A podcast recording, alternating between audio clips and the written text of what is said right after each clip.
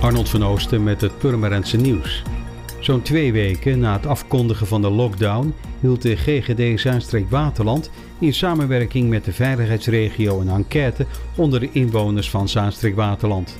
Het coronavirus heeft een behoorlijke impact op de inwoners van de regio, waaronder die van Purmerend.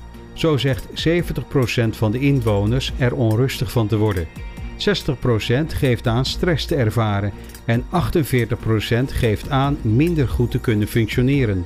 Ondanks dat probeert 70% toch zo normaal mogelijk door te leven. Het onderzoek is ingevuld door het vaste GGD-panel, aangevuld met een nog veel grotere groep willekeurige inwoners die reageerden op de oproep deel te nemen, waaronder opvallend veel vrouwen en hoger opgeleiden. De 4 mei-herdenking zal dit jaar er anders uit gaan zien dan voorgaande jaren. Zo zal de traditionele stille tocht naar het herinneringsmonument aan de Jaagweg en de herdenkingsbijeenkomsten op de Kaasmarkt en de Nicolaaskerk niet doorgaan.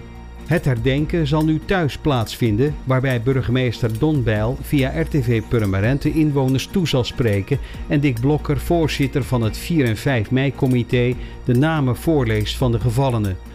Ook de twee minuten stilte zullen in acht worden genomen. RTV Purmerend zal de speciale voorafgemaakte uitzending uitzenden vanaf kwart voor acht en duurt tot kwart over acht en is te zien via Zico kanaal 36, KPN kanaal 1390, maar ook via rtvpurmerend.nl en de Facebookpagina van RTV Purmerend.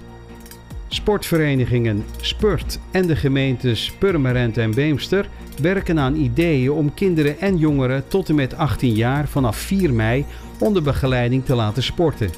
Veiligheid voor hen en voor hun begeleiders staat daarbij voorop. De plannen om te sporten in Purmerend en Beemster zullen vandaag definitief gepresenteerd worden. Dat er niet eerder onder begeleiding gesport kon worden, heeft te maken met het vaststellen van een nieuwe noodverordening. Eerst door het Rijk en daarna vindt er een doorvertaling plaats naar de noodverordening van de veiligheidsregio Zaanstreek-Waterland. Politie en gemeentes kunnen met deze noodverordening gemakkelijker optreden en boetes uitdelen als maatregelen worden overtreden.